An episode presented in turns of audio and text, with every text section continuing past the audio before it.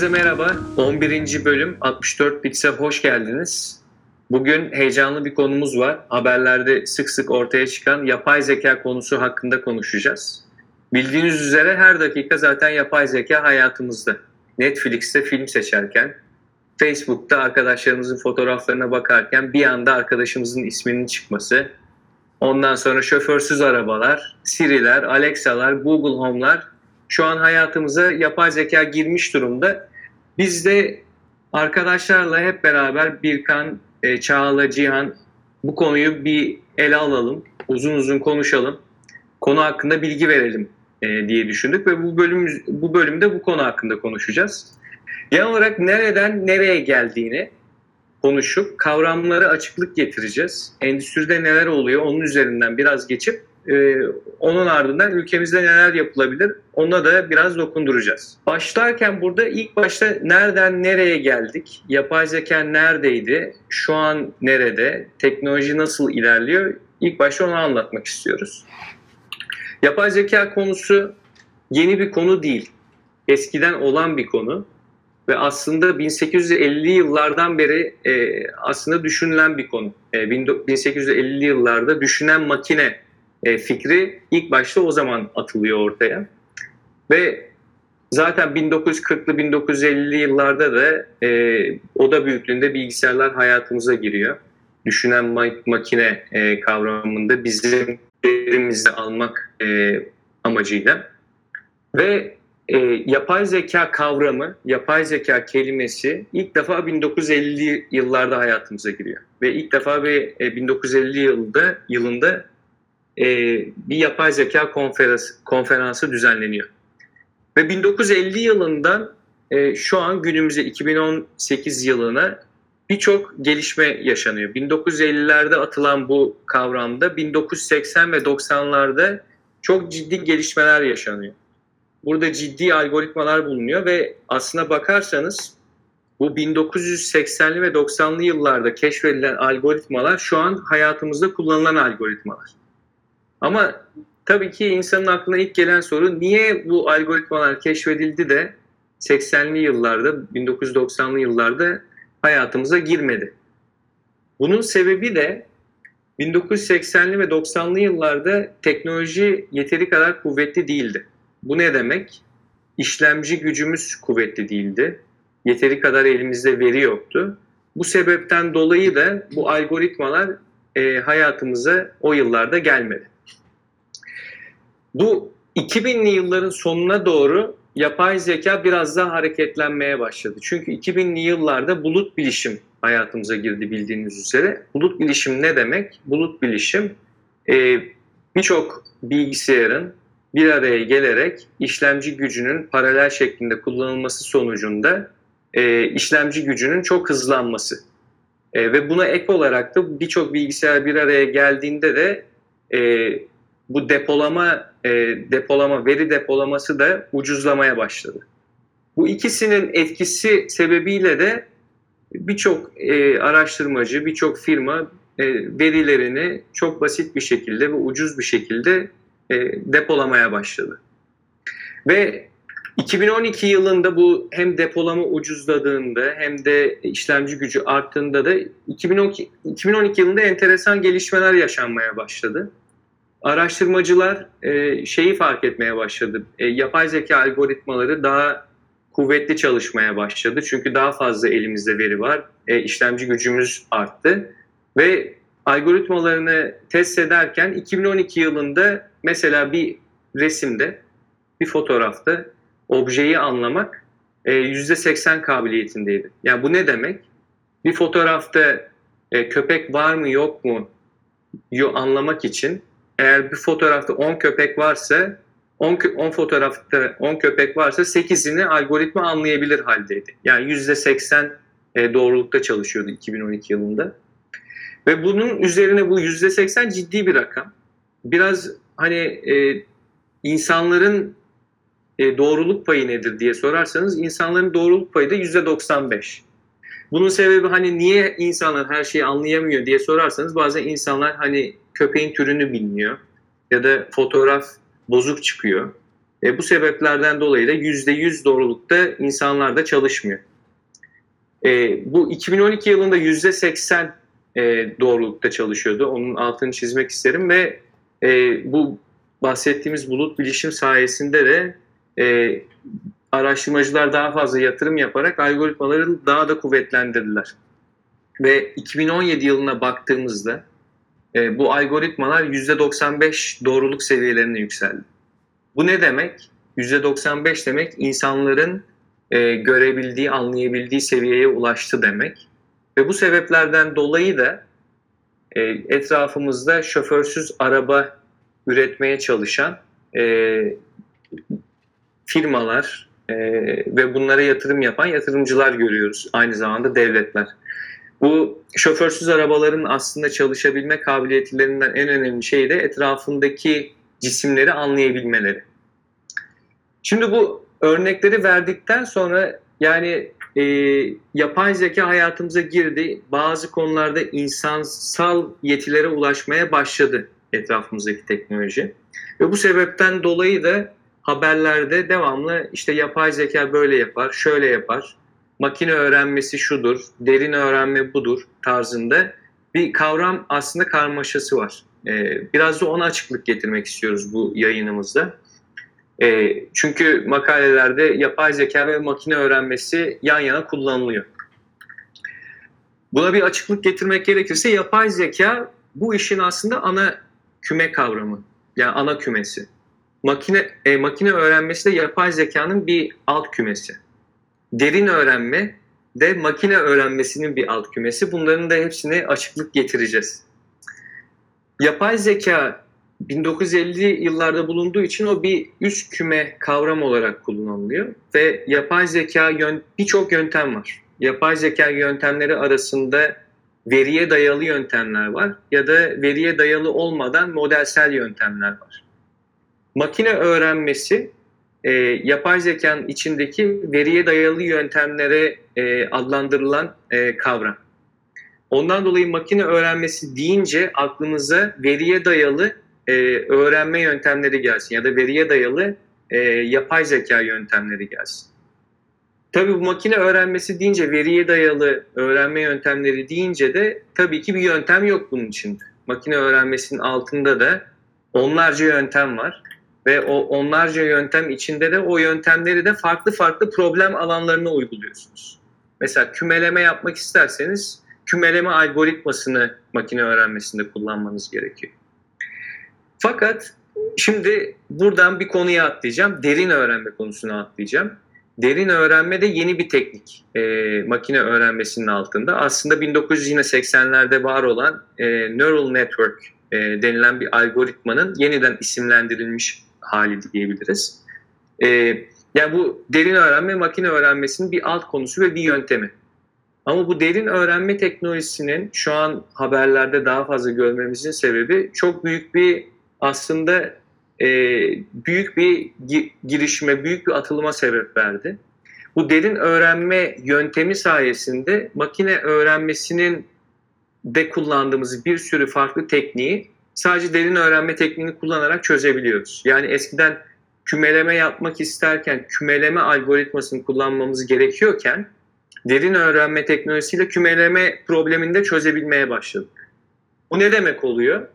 Bir herhangi bir biri eğer bir akıllı bir sistem geliştirmek istiyorsa bu makine öğrenmesinin 20-30 tane farklı algoritmasını öğrenmesine gerek yok. Ya da yapay zekanın e, makine öğrenmesinin dışında 50-60 tane farklı algoritma öğrenmesine gerek yok. Tek öğrenmesi gereken derin öğrenme, neural network dediğimiz e, teknolojiyi öğrenip hayatımızdaki farklı problem ve farklı endüstrilere uygulaması. Tabii bu da bunu aslında konuşmamızın, bunu e, bilgilendirmemizin ve heyecanlanmamızın sebeplerinden en önemlisi bu teknolojinin herkesin ellerine eline geç, geçmiş olması. Yani şu an laboratuvarlardan çıktı, büyük firmalardan çıktı. Ee, insanlar gerçekten evinde oturup nasıl 20-30 sene önce web sitesi geliştirebiliyorsa ya da 10 sene önce mobil uygulama yaratabiliyorsa şu an evimizde oturarak yapay zeka sistemleri yazabilir duruma geldik. E, bu da bence çok e, ülkemiz ve dünyamız için büyük fırsatlar, büyük e, şeyler yaratıyor. E, Birkan'ın yine geçen hafta verdiği güzel örneklerden bir tanesi erişimlik, yani e, erişimi sağlamak. Özellikle e, engelli arkadaşlarımız için Birkan güzel örnekler vermişti yapay zekanın hayatımıza girmesiyle. Bence sağlık alanında da yine çok büyük e, etkisi olabilecek bir sistem. Yani eğer bir uzmanlık varsa o uzmanlığı ölçeklendirilebilecek ve onu ölçeklendirilebilir hale getirebilecek bir sistem. Şimdi uzun uzun konuştum ben. Ee, biraz da sözü size bırakmak istiyorum arkadaşlar. Ve sizin kendi endüstrinizde gözlemlediğiniz yapay zeka yenilikleri neler? Gözünüze çarpan işler neler? Sizin endüstriniz nereye doğru gidiyor? Onu biraz sizden duymak istiyorum. Yiğit istersen burada ben başlayayım ilk olarak. Öncelikle çok teşekkürler. Harika bir özet geçtin. Tabii bu konular çok derin konular. Ama çok güzel, yüzeysel hani makine öğrenmesi ya da yapay zeka 101 şeklinde güzel bir giriş yapmış oldum. Konuyla merakı olanlar bence internetteki kaynakları da araştırıp bu konuda kendini geliştirmeye devam etsinler. Ben ilk başta kurumsal ortamda yapay zeka, derin öğrenme teknolojileri ne gibi alanlarda kullanılıyor onlara değinmek istiyorum. Sonuçta günümüzün büyük bir vakti iş yerlerinde geçiyor ya da iş amaçlı bazı uygulamalar kullanıyoruz. Buralarda, bu alanlarda ne gibi yapay zeka uygulamaları kullanılıyor? Bunlara bir değinmek istedim hızlıca. Zaten eminim birçoğunuz bunu aslında farkında olmadan kullanıyorsunuz ya da size yansıtılıyor bunlar. Şimdi belki üzerinden geçince gözünüzde daha iyi canlanır. Şimdi yapay zeka algoritmalarından konuştuk çok çok çok basite indirgemek gerekirse şöyle toparlayabiliriz. Bilgisayarlar artık yazılı olan şeyleri anlayabiliyor haldeler. Duydukları sesi anlayabiliyor haldeler. Gördükleri resmin içeriğini anlayabiliyor haldeler. Bunların hepsi bu yapay zeka algoritmaları, derin öğrenme algoritmaları sayesinde bilgisayarlara aslında bir anlam yüklemeye başladı. Yani bir anlama zeka kabiliyeti geldi. Şimdi bunları iş ortamında kullandığımız ürünlere ya da iş fonksiyonlarımız üzerinden bakacak olursak dilerseniz bir şirketi düşünelim. Departman departman üzerinde geçelim. Hangi departman bu yapay zeka algoritmalarını nasıl kullanabilir? Daha verimliliklerini nasıl arttırabilir? Bunun üzerinden geçelim. Bunu yapmadan önce bir parantez de açmak istiyorum. Bu örnekleri dinlediğiniz zaman aslında şunu da fark edeceksiniz. Yapay zeka şu anki gelişimi, evrimi itibariyle insanları yerine geçmek, insanların yerine geçmekten ziyade onları destekleyip onların verimliliğini arttıran, kapasitelerini arttıran bir yardımcı asistan konumunda aslında şu an. Yani şimdiye kadar yapılan bütün bu teknolojik gelişmelerin birçoğu aslına bakarsanız insanları daha da ileriye taşımak, insanları değiştirmek, onların yerine geçmekten ziyade onları daha da iyileştirmesine katkıda bulunmak amaçlı yapılan uygulamalar. Şimdi örneklere bakalım. Şimdi örnekler üzerinden daha rahat anlaşılacak. Bir kurumsal firma düşünelim. Satış departmanından başlayalım. Bir şirket önce ürün satması gerekiyor değil mi? Bu ürünü satacak, ciro yapacak, maliyetleri artacak. Pardon, e, gelirleri artacak, işini büyütecek. Şimdi bir satış ekibi düşünelim. Satış müdürleriniz var, hesap müdürleriniz var, satış temsilcileriniz var vesaire. Ve çoğu büyük firma ya da küçük firma müşteri ilişkileri yönetim platformu, CRM diye geçen özellik bir uygulama kullanıyor. Burada ne yapılıyor? İşte satış temsilcilerinin her yaptığı konuşma ya da her müşteriyle olan interaksiyonları, iletişimleri burada kayıt altında tutuluyor. Müşterilerle ilgili detaylar kayıt altında tutuluyor. İşte A müşterisinin şu kadar çalışanı var, A müşterisinin şu kadar cirosu var, A müşterisi hali hazırda şu ürünleri kullanıyor, şu sektörde vesaire. Sizin müşterinizin bir profilini çıkarabiliyorsunuz bu uygulamalarda. Şimdi düşünün ki yapay zeka sayesinde bu satış amaçlı kullandığınız müşteri ilişki yönetimi platformları daha da akıllansın. Nedir mesela? Sizin müşteri portfolyonuzda belli kriterlere uygun müşteriler sizden B ürününüzü daha çok alıyorsa bu kullandığınız CRM uygulaması, müşteri yönetim uygulaması sizin satış yöneticilerinizi, satış temsilcilerinizi böyle güzel önerilerde bulunabilir. Diyebilir ki Ali bak senin müşterin elimizdeki bizim portfolyomuzdaki 27 tane 30 tane başka müşteriyle çok ortak özelliğe sahip. Bu 30 tane diğer şirket bizim şirketin B ürününü çok kullanıyor. Dilersen şu müşterine git bir B ürününü anlat bakalım. Alma ihtimali çok yüksek olabilir şeklinde öneriler bulunabilir. Buradaki amaç nedir? Burada tabii ki satış temsilcisinin verimliliğini arttırma, keşfedemediği hani kendi başına oturup bu dataya baksa 30 şirketi incelese vesaire çok ciddi bir zaman alacak bir şey. Makine öğrenmesiyle bunu çok hızlı bir şekilde optimize edip değer katabiliriz. Değer katan bir destekte bulunabiliriz değil mi? İkincisi pazarlama otomasyonlarından bahsedelim. Çoğunuz bütün firmalardan kullandığımız internet uygulamalarından belli periyotlarla e-mailler alıyoruz değil mi? Aylık yeni ürünler, bu ayın yeni ürünleri vesaire tarzında bir sürü e-mail geliyor. Şimdi yapay zeka olmadığını düşünelim. Gelen bana gelen e-mail'in içeriğiyle Çağla'ya gelen e-mail'in içeriği, Yiğit'e gelen, Cihan'a gelen e-mail'in içeriği 3 aşağı 5 yukarı aynı şu anda değil mi? Ama aslında yapay zeka kullanarak bunu bireysel olarak özelleştirebiliriz. Yani bana gelen e-mail'da bana tavsiye eden ürünler benim geçmiş alışveriş hesabıma bakılıp, geçmişime bakılıp bana göre hedefli ürünler e-mail olarak bana atılabilir. Çağla'nın daha önceki alışveriş geçmişine göre Çağla'ya atılan e-mail'in içeriği otomatik olarak bu yapay zeka sayesinde iyice özelleştirilip hedefli bir e-mail kampanyası yapılabilir değil mi? Bunlar da bizim hep satışlarımızı olumlu yönde etkileyecek şeyler. Çağla bu pazarlama alanı daha detaylı gireceği için hani daha fazla örnek vermeyeyim pazarlama açısından. Diğer bir departmana geçeyim. Nedir? Tedarik zinciri yönetimi. Şimdi bir tedarik zinciri düşünelim. Bizim bir sürü ürünümüz var, bir sürü stoğumuz var. Bu stokları tutuyoruz ama bizim depomuzda depomuzda bunları nasıl planlayacağız, nasıl organize edeceğiz? İşte burada da yapay zeka sayesinde gördüğü mesela kamera sistemleri yerleştirdik diyelim. Gördüğü ürünlerin, paketlerin hangi kategorileri, depomuzda hangi bölümlerde depolanması gerektiğini otomatik olarak bunu algılayabiliriz değil mi? Böylelikle ne olacak? İnsana düşen yük azalmış olacak. Bir depo görevlisi aa bu A ürünü ben bunu bizim deponun şurasında saklayayım vesaire bu gibi şeyler yapmasına gerek kalmayacak. Belki hatta buna otomatik olarak yönlendirebileceğiz bu depo görevlimizi. Diyeceğiz ki bu A ürünüdür. Bu A ürünü şu an depomuzun ABC noktasında bulunuyor tarzında böyle akıllı yönlendirmelerde bulunabiliriz. Ya da diğer bir tedarik zinciri nedir? Yiğit de bahsetti. E, kendini süren arabalar, otonom arabalar değil mi? Yapay zekanın gelişmesiyle bu arabalar çok daha iyi bir konuma gelecek ve böylelikle belki lojistik zincirindeki değerlendirmeler de artacak. Lojistik zincirindeki katma değer artacak. Çünkü kendini süren arabalar tıkır tıkır kaza yapmadan e, kendini sürüp gitmesi gereken lokasyona gidip teslimatı yapacak. Diğer bir departmana bakalım. Müşteri destek departmanı değil mi? En çok maliyet kalemlerinden birisi müşteri destek departmanlarıdır şirketlerin. Ee, burada yapay zekayı ne gibi alanlarda kullanabiliriz? En örneğinden, en basitinden bir örnek verelim. Ee, müşterilerinizden size e-mail geliyor sürekli değil mi? Sorular soruyorlar. Bunu yapamadım, bunu nasıl yaparız? Ya da ben bu ürünü almak istiyorum, alamadım ya da fiyatı nedir vesaire. Bu tip e-mailler geldiğini düşünelim. Ee, yapay zeka kullanarak bu e-postaların içeriğine bakıp Bunları otomatik olarak kategorize edebiliriz. Hatta bu kategorizeyi yaptıktan sonra içeride şirket içerisindeki doğru ekiplere yönlendirmeyi de otomatize edebiliriz.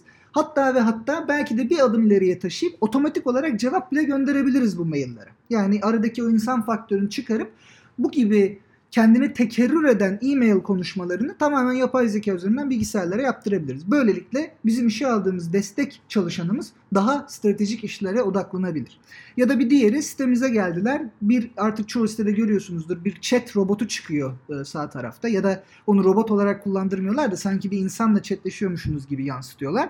Burada da aslında konuştuğunuz insanların çoğu yapay zeka o konuşma belli bir noktaya gelene kadar zaten yapay zeka sizin yazdıklarınızı anlayıp kalıp cevapları size gönderiyor. Anlayamadığı noktada sizi aslında bir e, destek elemanına yönlendiriyor. Buradaki amaç da tabii ki verimliliği arttırma, şirketin verimliliğini arttırma, destek ekiplerinin gerçekten anlamlı konuşmalara katılmasını, dahil olmasını sağlama. Diğer bir örneğe bakalım. Muhasebe.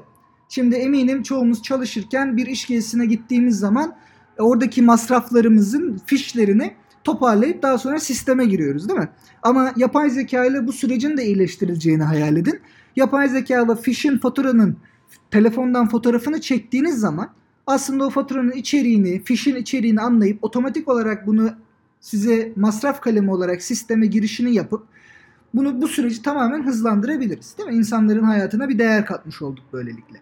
Son olarak da değinmek istediğim nokta bütün çalışanlara bakalım. Çalışan verimliliğini düşünelim. Şu an mesela insanların çok büyük bir vakti şirketlerde hangi dosyayı aramakla geçiyor. Ya ben bir dosya üzerine çalışıyordum ama o nerede şimdi? Ya da atıyorum işte benim bir sonraki toplantım arabalarla ilgili bir toplantı. Arabalarla ilgili toplantının dokümanına ulaşmam lazım. Bu gibi dosya arayışları aslında çalışanlar için özellikle beyaz yaka için çok ciddi bir vakit kaybı. Mesela Google Drive bunu iyileştirmek adına hızlı erişim diye bir özellik duyurdu. Ve tamamen yapay zeka kullanarak sizin bir sonraki toplantınıza ya da son zamanlarda aldığınız e-maillere bakıp açma ihtimalinizin yüksek olduğu bir sonraki dosyayı otomatik olarak size öneriyor. Bu da sizin bu dosya arayışınızı, oradaki vakit kaybınızı engellemeye yönelik. Diğer bir özellik, şimdi hepimiz sunumlar yapıyoruz değil mi kurumsal hayatta? Müdürlerimize ya da satış ekiplerine, diğer ekiplere hep sunumlar hazırlıyoruz ve bu sunumların da şimdi güzel olması gerekiyor. Görsel olarak dizaynının, tasarımının etkileyici olması gerekiyor ama bir slaydı, bir sunumu da güzelleştirmek çok vakit alan bir şey. E ben o slaydı güzelleştirecek yeteneğe de sahip değilim. Ben bir görsel tasarımcı değilim. Şimdi burada mesela Google Slides ürününden örnek verelim. Yapay zekayı kullanarak bu slaytlardaki görsel tasarımı güzelleştiren bir yapay zeka özelliği duyurdular. Yani siz slaytın içerisine içeriğinizi yazıyorsunuz, fotoğrafınızı vesaire koyuyorsunuz.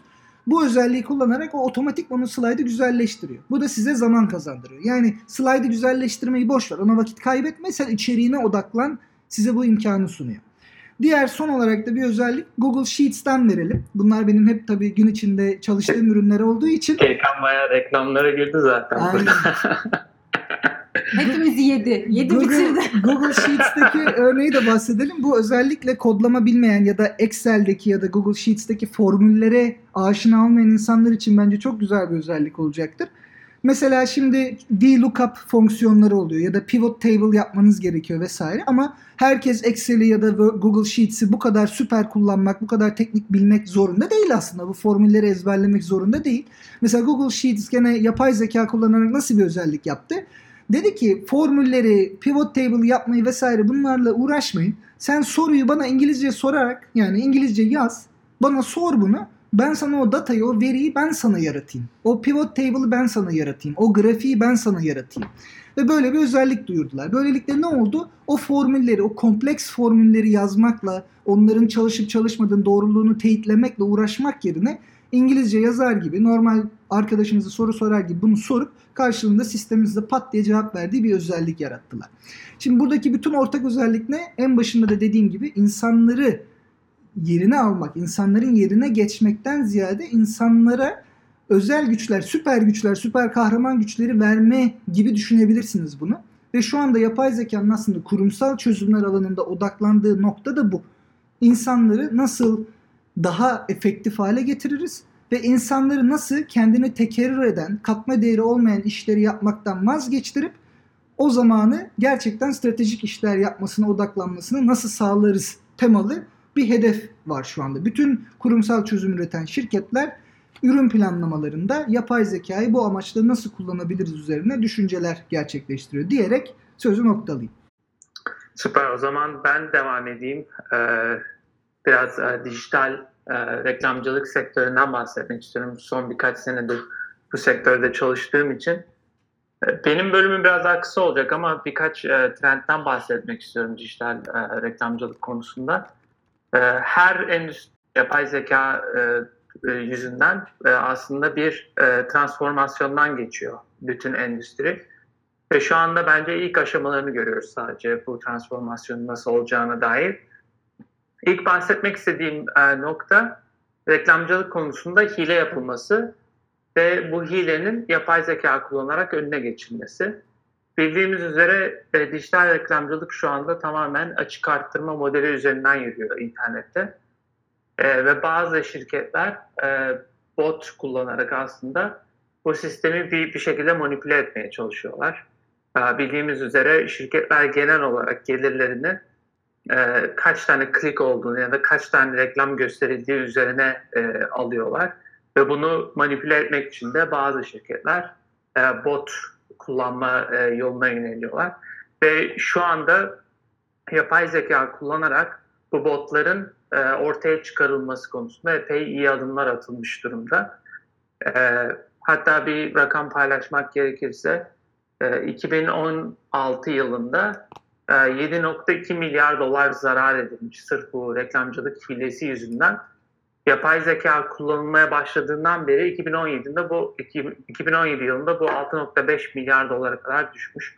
Bu da aslında ne kadar e, büyük bir e, aşama kaydedildiğini gösteriyor bu konuda.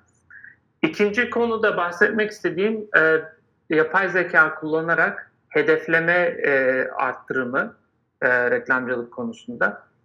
Bu hedefleme de tabii birçok değişik yön üzerinden olabiliyor.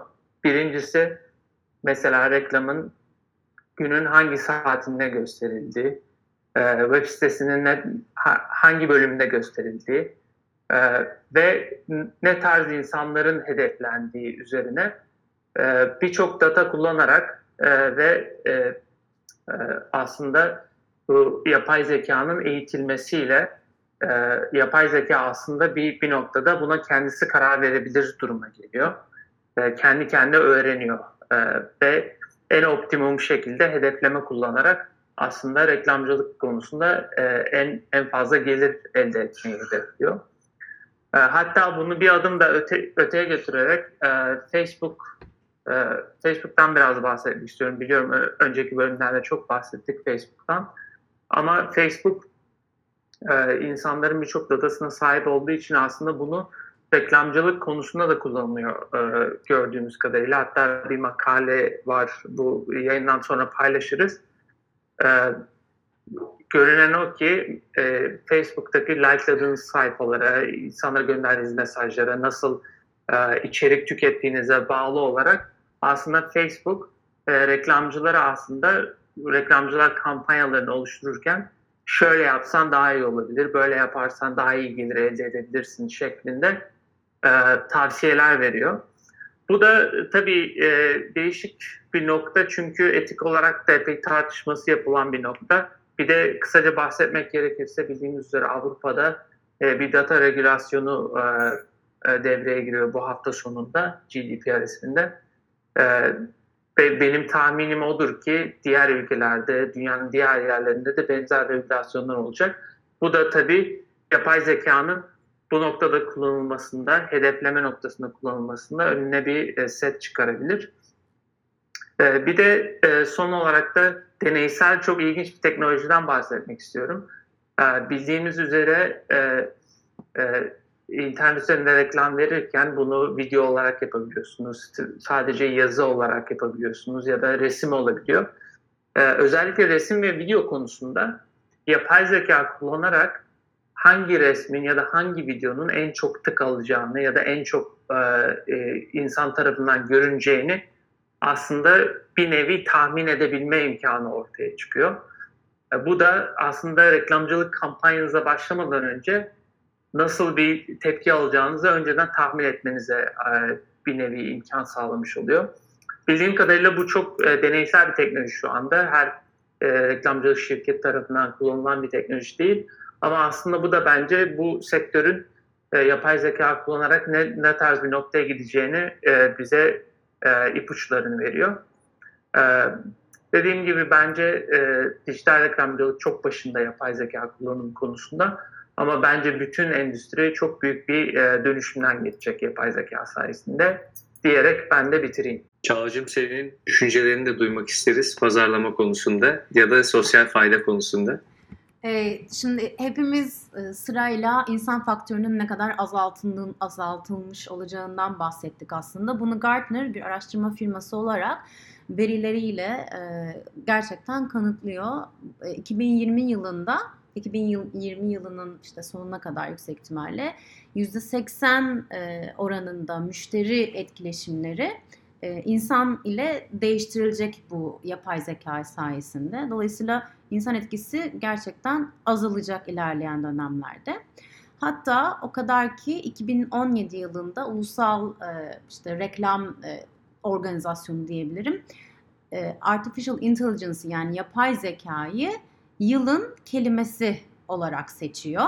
Bu da bizim önümüzdeki günlerde yani şu anda Yiğit senin de paylaştığın gibi hani ne kadar yoğun bir süreçten geçirmiş bu yıla kadar önümüzdeki süreçlerde de e, ne kadar e, yoğun olacağını göz, gözler önüne seriyor. Ee, IBM Watson Advertising reklam ürününün hiç duymuş muydunuz bilmiyorum ama şu an %51 oranında markalar e, farklı pazarlama araçları kullanıyorlar, teknolojik araçlar kullanıyorlar. Daha başarı sağlayabilsin diye.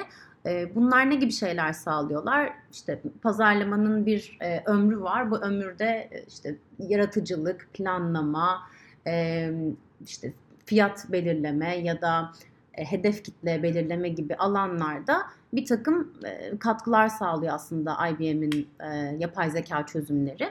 Ne gibi olabilir? İşte e, yaratıcılık alanında size öyle çözümler sunuyor ki e, daha işte para tasarruf edilmesini sağlıyor ya da e, kaynakların daha iyi, daha verimli bir şekilde kullanılmasını sağlıyor.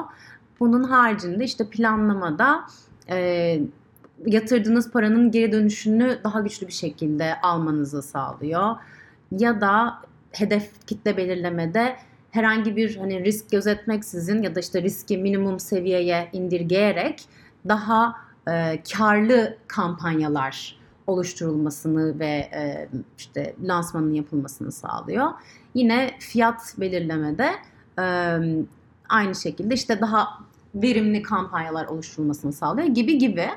E, bu gibi avantajları var. Yani merak edenler için IBM Watson Advertising'e girip şöyle bir biraz okumalarını tavsiye ederim. Gerçekten çok iyi, e, başarılı e, dosyalar var diyeyim. E, markaların uygulamış olduğu. Bunun haricinde CRM, CRM yani müşteri e, ilişkileri deneyimi konusunda Birkan aslında fazlasıyla buna değindi ama bize ne gibi faydalar sağlıyor?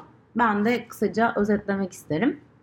E, otomatik veri yakalama, ürün kullanılımı ve veri analitiği konularında aslında bize destek sağlıyor. E, yapay zekanın e, sağladığı gelişmeler. İşte otomatik veri yakalama derken nedir? E, aslında bir kanında biraz bahsettiği gibi işte satış ekiplerine yardımcı olacak.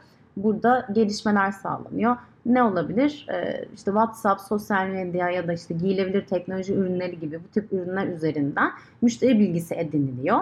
Dolayısıyla işte satış e, kişileri de, satış sorumluları da e, bireysel olarak hani bu bilgileri işte ellerindeki araçlara girmek gibi bir hani zaman kaybına e, sebep olmadan hızlı bir şekilde müşteriyle iyi ilişki kurulmasını ve daha hızlı ilişki kurulmasını sağlıyor. Dolayısıyla ciro artıyor e, ve müşteri ilişkileri güçlendiriliyor denebilir. Ürün kullanımı e, yine biraz hani Birkan da Yiğit de Cihan da ayrı ayrı bahsetti. Ürün ne kadar kullanılırsa aslında müşteri bilgisi o kadar güçlü bir şekilde toplanıyor e, üründe. Ve bu akıllı öğrenme ya da işte makine öğrenmesi aslında e, ürün kullanıldıkça daha da akıllı hale geliyor denebilir. Örneğin hani bilenler vardır belki işte burada market uygulaması var. İşte Instacart diye geçiyor. Hani orada ne kadar çok ürün alırsanız aslında o kadar akıllı size bir sistem sunuyor ki hani günün sonunda işte Netflix ya da Spotify örneğinde olduğu gibi zaten hali hazırda aldığınız işte haftalık ihtiyaçları karşı, karşılayacak şekilde hatırlatma mailleri, e-mailleri gönderiyor. E, kişiselleştirilmiş işte Çağla aa sen geçen hafta yumurtanı almıştın bu sefer unuttun ne oldu yine ister misin gibi. Dolayısıyla ne kadar ürünü kullanırsanız o kadar e, akıllı bir sistem sağlıyor.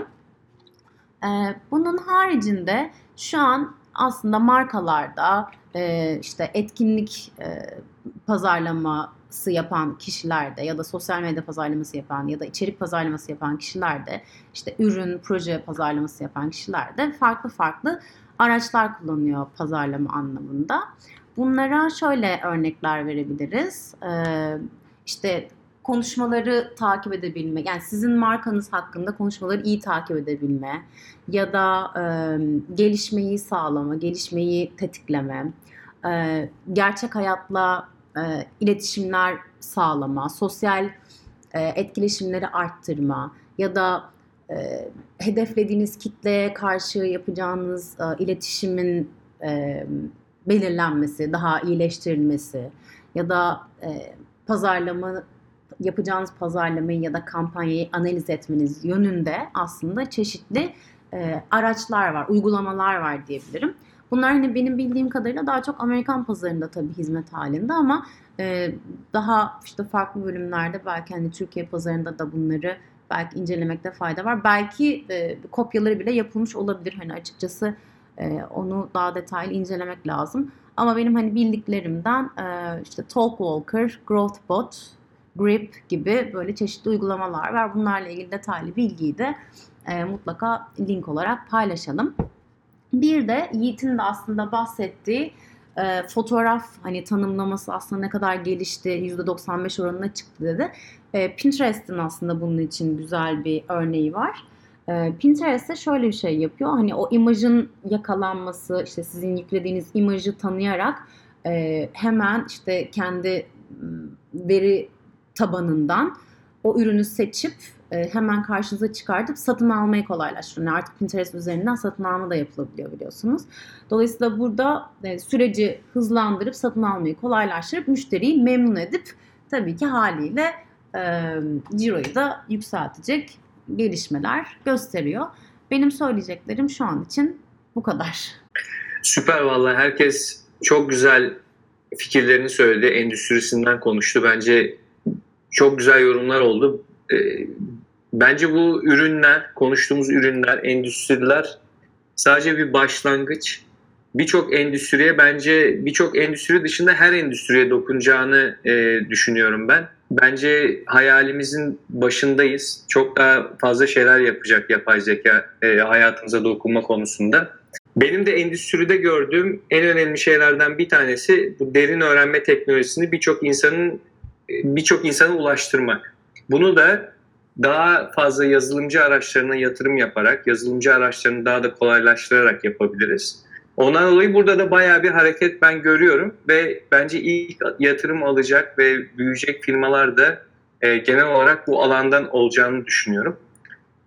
Bu bölümü de özetlemek gerekirse bence çok güzel konuştuk ama insanların aklında e, bırakmamız gereken en önemli şeylerden bir tanesi yapay zeka aklınıza geldiğinde tekerrür eden bir iş varsa etrafınızda, tekerrür eden sık sık yaptığınız bu yapay zeka teknolojisinin kıskacında. Yani yapay zeka teknolojisi bunu e, önümüzdeki aylarda, yıllarda gelip sizin bu tekerrür eden işlerinizi otomize hale getirecek. Böylelikle sizin sıkıcı işlerden e, sıkıcı işleri bırakıp e, daha e, yaratıcı işlere yönelmemizi sağlayacağını e, öngörüyoruz.